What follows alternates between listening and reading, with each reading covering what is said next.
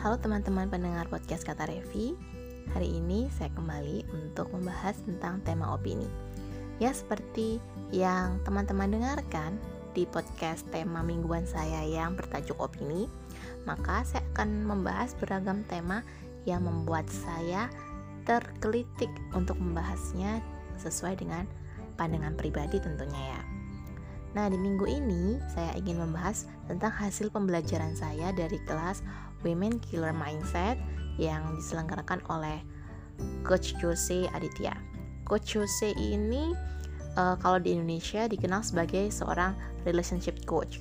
Jadi, tujuan dari Coach Jose adalah bisa membimbing perempuan agar bisa menjadi uh, the best version of herself dan pastinya Tujuannya tidak hanya sekedar untuk bisa menjadi perempuan yang menarik lawan jenis ya atau menarik pria, tetapi bagaimana kita bisa membongkar mindset-mindset yang buruk sekaligus bisa memperbaikinya sehingga bisa meningkatkan kualitas karir, kualitas hubungan dengan orang lain tidak hanya dalam percintaan.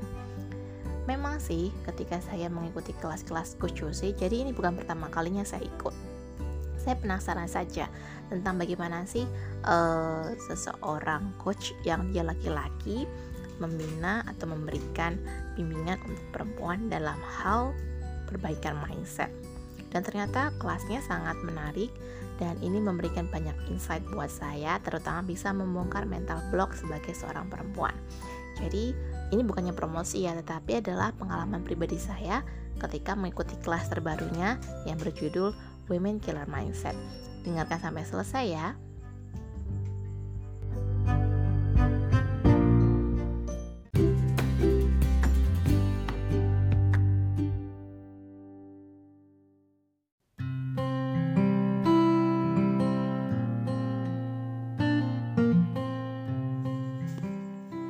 Sekarang kita akan masuk ke pembahasan utama mengenai pengalaman saya mengikuti kelas Women Killer Mindset. Jadi di dalam kelas ini eh, Coach Jose menjelaskan mindset apa saja yang perlu kita ubah sebagai perempuan. Dan di dalam podcast tentunya saya tidak akan membahas sampai 9 topik ya. Jadi ada 9 killer mindset yang membuat kita itu jadi orang yang toksik, menjadi orang yang hmm, cupet gitu ya pandangannya sehingga bisa membunuh potensi kita sendiri. Makanya uh, kalau ingin lebih detail lagi dalam mengetahui wawasannya tentang killer mindset untuk perempuan itu apa saja, bisa nanti masuk ke website lovecoach.id. Nanti bisa kalian lihat di deskripsi ya. Nah, yang pertama adalah pembahasan mengenai apa itu mindset. Jadi, Coach Jose memberikan definisi yang memang sudah awam ya. Mungkin buat teman-teman yang suka membaca artikel tentang mindset, self development, pastinya sudah paham mengenai topik ini. Jadi, mindset itu sendiri adalah sebuah pola pikir yang kita setujui atau mungkin terbentuk tidak sengaja tetapi akhirnya kita jadikan habit tiap hari dan menetap dalam pikiran hingga bisa mempengaruhi value serta prinsip kita sendiri mindset yang buruk sekalipun bisa terjadi karena kita sendiri yang membentuknya atau karena bentukan dari orang lain atau lingkungan. Misalnya nih, eh, kita punya mindset bahwa pernikahan itu tidak bisa menjamin kesetiaan. Bisa jadi karena kita memiliki pengalaman berkali-kali diselingkuhi oleh kekasih atau melihat orang tersayang kita, misalnya salah satu orang tua kita, ternyata juga mengkhianati pasangannya. Jadinya kita jadi punya mindset seperti ini. Padahal ini adalah bukan hal yang tidak yang seharusnya tidak bisa kita sesali karena kita tidak bisa memilih kan. Ini kan terbentuk secara eksternal kalau bisa dibilang. Maka memang tiap orang wajib bisa mengenali dirinya sendiri. Nobody's perfect. Bahkan saya sendiri yang punya keluarga yang harmonis, orang tua yang suportif, tetapi ya saya punya pengalaman buruk di beberapa pengalaman percintaan saya. Ternyata ini berpengaruh juga membuat saya memiliki mindset yang tidak baik. Padahal mindset tersebut tidak ada hubungannya soal berpacaran sih sebenarnya. Saya merasa bahwa saya sudah tahu diri saya sendiri. Ternyata setelah saya mengikuti kelas ini, saya tahu oh sebenarnya saya juga punya mindset atau mental block yang tidak saya sadari karena pengalaman-pengalaman buruk di masa lalu. Makanya kita sendiri harus mau belajar dan mengenali atau berusaha untuk mencari tahu apa sih yang salah dalam diri saya bisa dengan membaca buku, bisa juga dengan mengikuti kelas seperti ini, atau kita bisa minta bantuan dari orang lain. Dan kalau memang perlu, bisa juga mencari ke ahlinya, entah itu ke psikolog atau psikiater. Itu nggak apa-apa. Bukan berarti kalau kalian sedang konsultasi dengan psikolog atau psikiater, maka kalian adalah orang yang gila. Kita kan hanya berobat, misalnya kalau kita sakit lambung atau kita sakit batuk pasti akan mencari obat kan? Kalau misalnya parah dan tidak sembuh-sembuh maka langkah berikutnya adalah mencari bantuan dari dokter. Jadi sama halnya tentang toksik-toksik yang ada di dalam batin kita itu juga butuh disembuhkan kalau misalnya kita sendiri tidak mampu untuk mengatasi itu sekarang kita akan masuk ke pembahasan beberapa mindset apa saja sih yang dibahas di dalam kelas ini. Saya akan mengambil beberapa highlight uh, untuk tema-tema mindset atau mental block yang menurut saya mungkin juga dialami oleh kalian mendengar podcast kata Revi terutama perempuan ya. Jadi kalau misalnya uh, ada pendengar podcast yang laki-laki ya tidak apa-apa sih karena mindset ini sebenarnya juga bisa jadi ada di dalam kalian. Tetapi jadi kalau misalnya ada mindset yang kalian pikir lo ini kan nggak gue banget, ya memang ini memang kelasnya ditujukan untuk perempuan karena makanya judulnya Women Killer Mindset kan. Yang pertama adalah salah fokus. Jadi perempuan itu terkadang untuk perempuan yang memiliki kesalahan mindset atau mental block yang disebut dengan salah fokus ini, mereka hanya fokus pada pernikahan. Misalnya, misalnya sudah usia 25 ke atas atau mungkin sudah 30-an. Ternyata masih belum juga menikah. Entah mungkin karena kita fokusnya sebelumnya adalah berkarir atau mungkin sebelumnya memang belum menemukan pasangan yang cocok. Ketika sudah ada tekanan untuk pernikahan, kita jadinya dikejar-kejar. Ah, pokoknya gue harus nikah nih sama siapa aja pokoknya mau sama gue. Mungkin ada pikiran seperti itu. Akhirnya kita mengorting besar-besaran nilai dan value yang kita mau dari calon pasangan. Nah, ini yang menurut Coach Jose sangat berbahaya.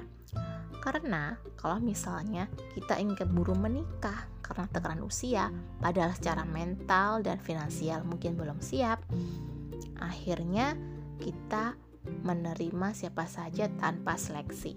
It's ini berbahaya ya. Nah, bahaya dari salah fokus ini juga akhirnya kita mudah baper, tidak menyeleksi dengan cermat, emosinya tidak stabil, aura kebelet nikahnya tuh terlalu over atau berlebihan hingga membuat mungkin calon pasangannya potensial menjadi tidak nyaman.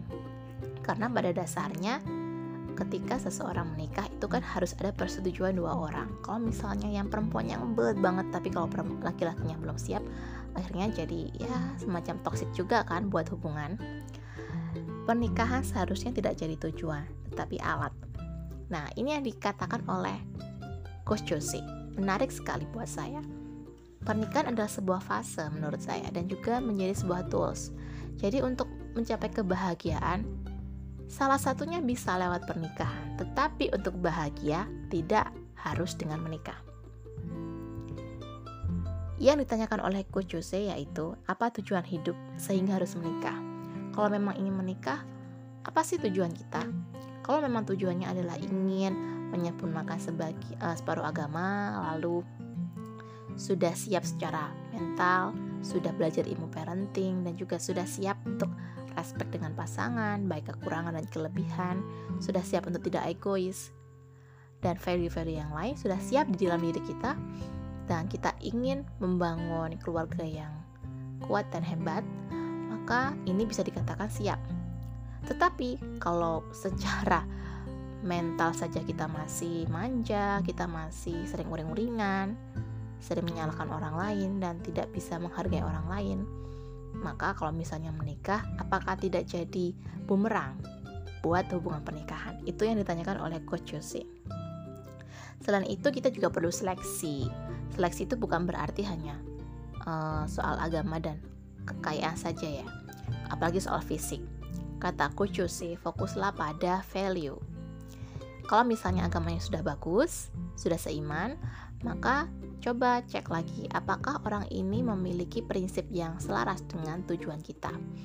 Apakah kita juga uh, mempunyai value yang cocok buat dia? Apakah kita bisa atau misalnya gini, apakah dia punya growth mindset?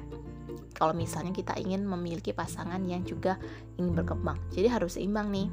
Dan juga tanyakan juga tentang uh, prinsip dia, rencana dia ke depan, supaya kita tahu bagaimana orang ini ingin menjadi lebih baik ke depannya.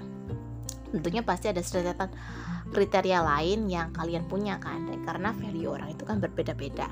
Jangan hanya berfokus pada kekayaan dan juga fisik karena semua itu bisa berubah. Yang terpenting adalah etos kerja dan semangat. Kekayaan itu mungkin penting, tapi kan kekayaan itu bisa hilang kalau orang itu bangkrut atau punya manajemen keuangan yang jelek. Itu kata Coach Yossi. Ya, membuat saya menjadi oh iya ya, jadi lebih positif ya untuk membuat kriteria. Kemudian, yang kedua adalah uh, killer mindset yang kedua bahwa merasa bahwa uh, jumlah pria itu lebih sedikit.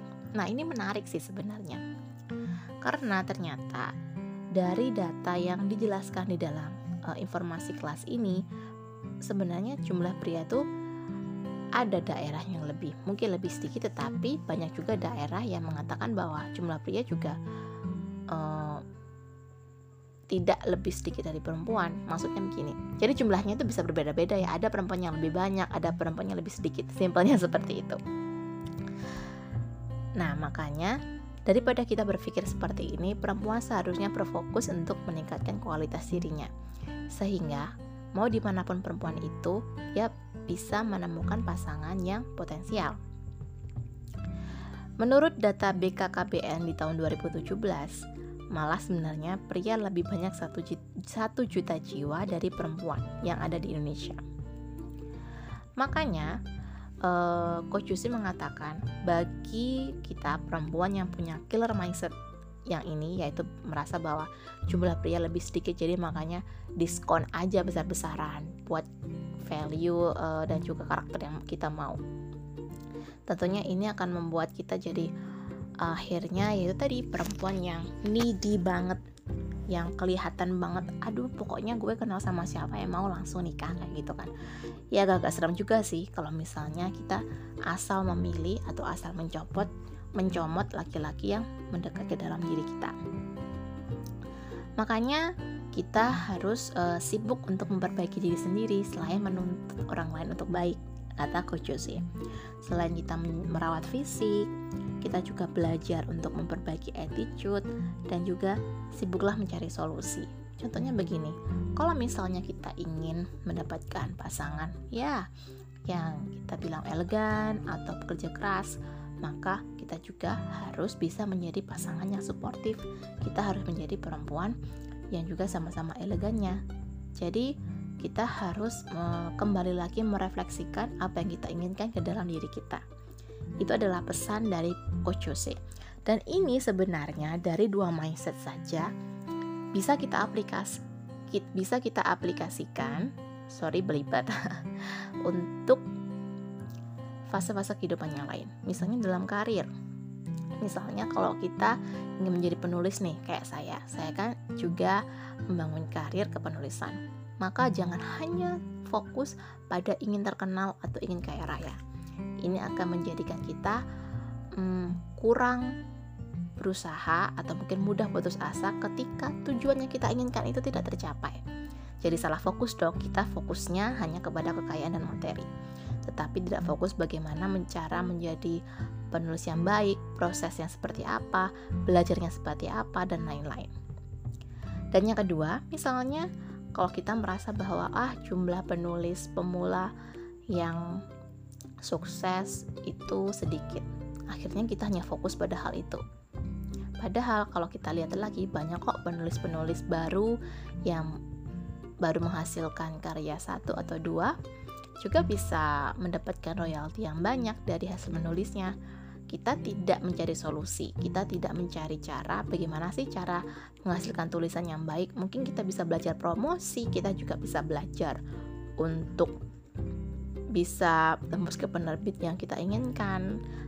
Makanya kalau misalnya kita hanya fokus pada sesuatu pemahaman yang salah, akhirnya kita tertutupi pandangan atau mindset kita untuk hal yang sebenarnya sudah ada dan pastinya lebih positif. Itu yang saya rasakan. Jadi ketika mengikuti kelas-kelasnya ini ketika mengikuti materi-materinya yang awalnya untuk kualitas sebagai seorang perempuan ternyata bisa saya aplikasikan untuk kehidupan yang lain. Kita move ke pembahasan tentang killer mindset berikutnya. Nah yang ini uh, sangat menarik juga yaitu berjudul Cinderella Syndrome Ciri-ciri dari Cinderella Syndrome itu adalah perempuan yang terlalu percaya jika pasangan yang harus dia dapatkan itu adalah seorang prince charming. Jadi dia itu menerapkan standar-standar yang sangat-sangat tinggi untuk calon pasangannya. Kemudian perempuan seperti ini hanya menunggu dijemput, seperti halnya putri-putri di dalam kisah dongeng. Dia berekspektasi bahwa pernikahan itu akan menjadikan dia uh, perempuan yang sangat bahagia dan akan selalu sempurna. Padahal dongeng itu kan tidak realistis. Dalam pernikahan pasti juga ada namanya masalah. Jadi kalau misalnya sejak awal kita berharap bahwa kita menikah untuk bahagia, oh no. Tentunya pasti ini akan mengecewakan kalau ekspektasi kita terlalu di awang-awang. Akhirnya ketika ada laki-laki yang mendekat padahal sebenarnya secara value dia baik tetapi karena standar dia terlalu tinggi misalnya dia uh, perempuan yang sebenarnya biasa-biasa saja sih karirnya biasa-biasa saja tetapi berharap mendapatkan seorang anak presiden atau misalnya orang yang bilioner gitu ya tidak realistis tidak sesuai dengan uh, up, dengan standar atau value dia yang sekarang yang sesungguhnya membentuk dia sekarang akhirnya ketika ada laki-laki yang sebenarnya secara ekonomi mapan tetapi mungkin tidak sesuai dengan angan-angan dia sebagai seorang tuan putri makanya akhirnya ditolak. Karena dia merasa itu tidak sesuai.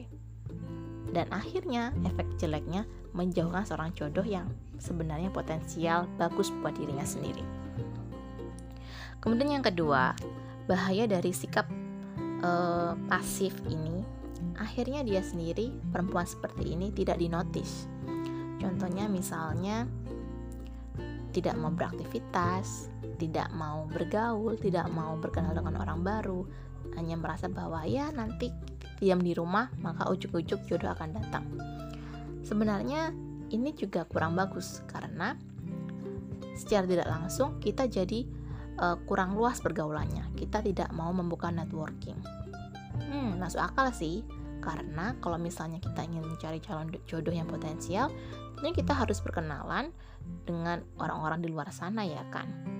Walaupun mungkin misalnya ada yang tidak mau pacaran, tetapi kan perlu juga dong berkenal dengan orang untuk bisa belajar mengenali karakter orang dan juga belajar beradaptasi dengan orang yang karakternya berbeda dengan kita lewat jalur pertemanan atau membangun relasi bisnis misalnya. Ini yang membuat saya akhirnya merasa ya sebenarnya tidak hanya untuk hubungan percintaan ya, tetapi Cinderella syndrome itu juga sebenarnya juga bagus untuk karir. Misalnya begini, ada yang merasa bahwa dia sudah pintar, akhirnya dia merasa ah sudahlah kalau aku udah pintar, aku udah mendapatkan IPK yang tinggi setelah lulus pasti akan ada pekerjaan yang mampir ke aku akhirnya dia hanya fokus pada pekerjaan dengan gaji yang sangat-sangat tinggi padahal dia sendiri belum punya pengalaman. Nah, seperti ini bisa juga disebut dengan Cinderella syndrome. Dia membayangkan bahwa dengan kualitas yang dia miliki, walaupun minim pengalaman, akhirnya pilih-pilih pekerjaan dan tidak mau berusaha gitu kan untuk meningkatkan kualitas dia sebagai seorang pencari kerja. Seperti ini juga sangat berbahaya. Maka kalau misalnya ingin mendapatkan impian atau mendapatkan goal di bidang karir dan juga passion kita, kita harus berusaha, kita harus aktif mencari, kita juga harus terus meningkatkan kualitas kita supaya kesempatan bagus itu bisa mampir ke kehidupan kita. Sepertinya uh, beberapa mindset ini sudah mewakili ya untuk penceritaan saya mengenai pengalaman saya mengikuti kelasnya Women Killer Mindsetnya Coach Jose. Semoga nantinya kalau teman-teman penasaran ya uh, coba cek di website yang ada di deskripsi podcast ini lovecoach.id bisa kalian cek di situ uh, bisa scrolling karena ada beberapa tema kelas online. Bisa kalian cek yang judulnya Women Killer Mindset. Semoga topik podcast hari ini bisa membuka insight teman-teman bisa memberikan dorongan untuk bisa belajar hal baru terutama untuk pembaikan mindset Terima kasih buat kalian yang sudah mendengarkan podcast saya hingga selesai. Jangan lupa follow Instagram podcast Kata Revi KATA underscore REFFI. Semoga teman-teman juga bisa terus bertumbuh dengan mempelajari hal-hal yang baru. Sampai jumpa di podcast Kata Revi berikutnya.